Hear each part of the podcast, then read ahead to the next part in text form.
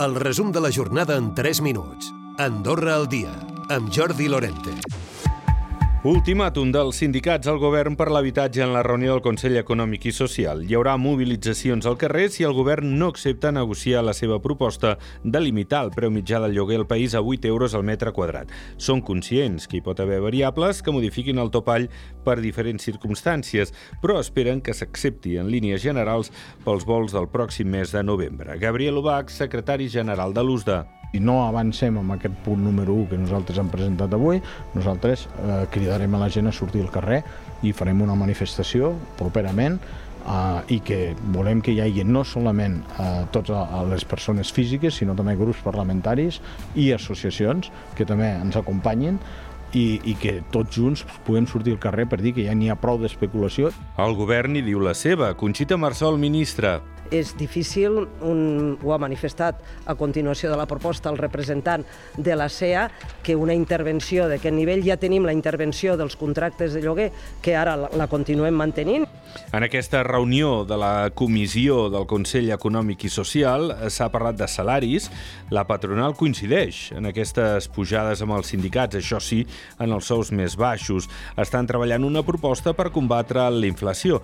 Gerard Cadena és president de la CEA. Estem estem d'acord que la, el, el salari mínim s'ha d'incrementar i potser s'ha d'incrementar algo més que, que, que la inflació i després eh, nosaltres marquem el fet de que de dir le, le, els altres eh, diguem-ne eh, increments han de ser subjectes a un, una part entre el salari mínim i el salari mitjà. Mentre el Consell Econòmic i Social també ha donat el vistiplau les quotes de treballadors temporers d'hivern seran 5.550. Això sí, la ministra Marsol volia aclarir que la gran majoria dels empleats que es necessiten als diferents sectors ja han estat contractats al seu país d'origen i que, per tant, no en caldran més.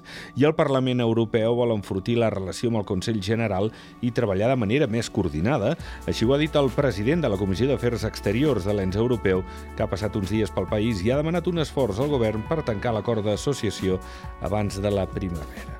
Concòrdia ha mostrat preocupació pel nomenament de l'exministre de Justícia, Josep Maria Rossell, com a nou president del Consell Superior de la Justícia, assegura en un comunicat que posa en dubte la independència i la separació de poders. Ja ha començat la campanya de vacunació conjunta contra la grip i la Covid-19, enguany adreçada a majors de 60 anys. Perquè agafava el grip i ara pues, no, des de que em vacuno no l'agafo. La grip l'agafes, el constipat, però és més suau, és, ajuda, sempre m'ha anat bé. Un constipat de nas ja sí, sí, però la gripe no l'he mm, passat mai. El Ministeri de Salut ha comprat una primera remesa de 9.000 vacunes contra la grip i de 6.000 contra la Covid-19. S'administraran fins al desembre. Recupera el resum de la jornada cada dia a AndorraDifusió.d i a les plataformes de podcast.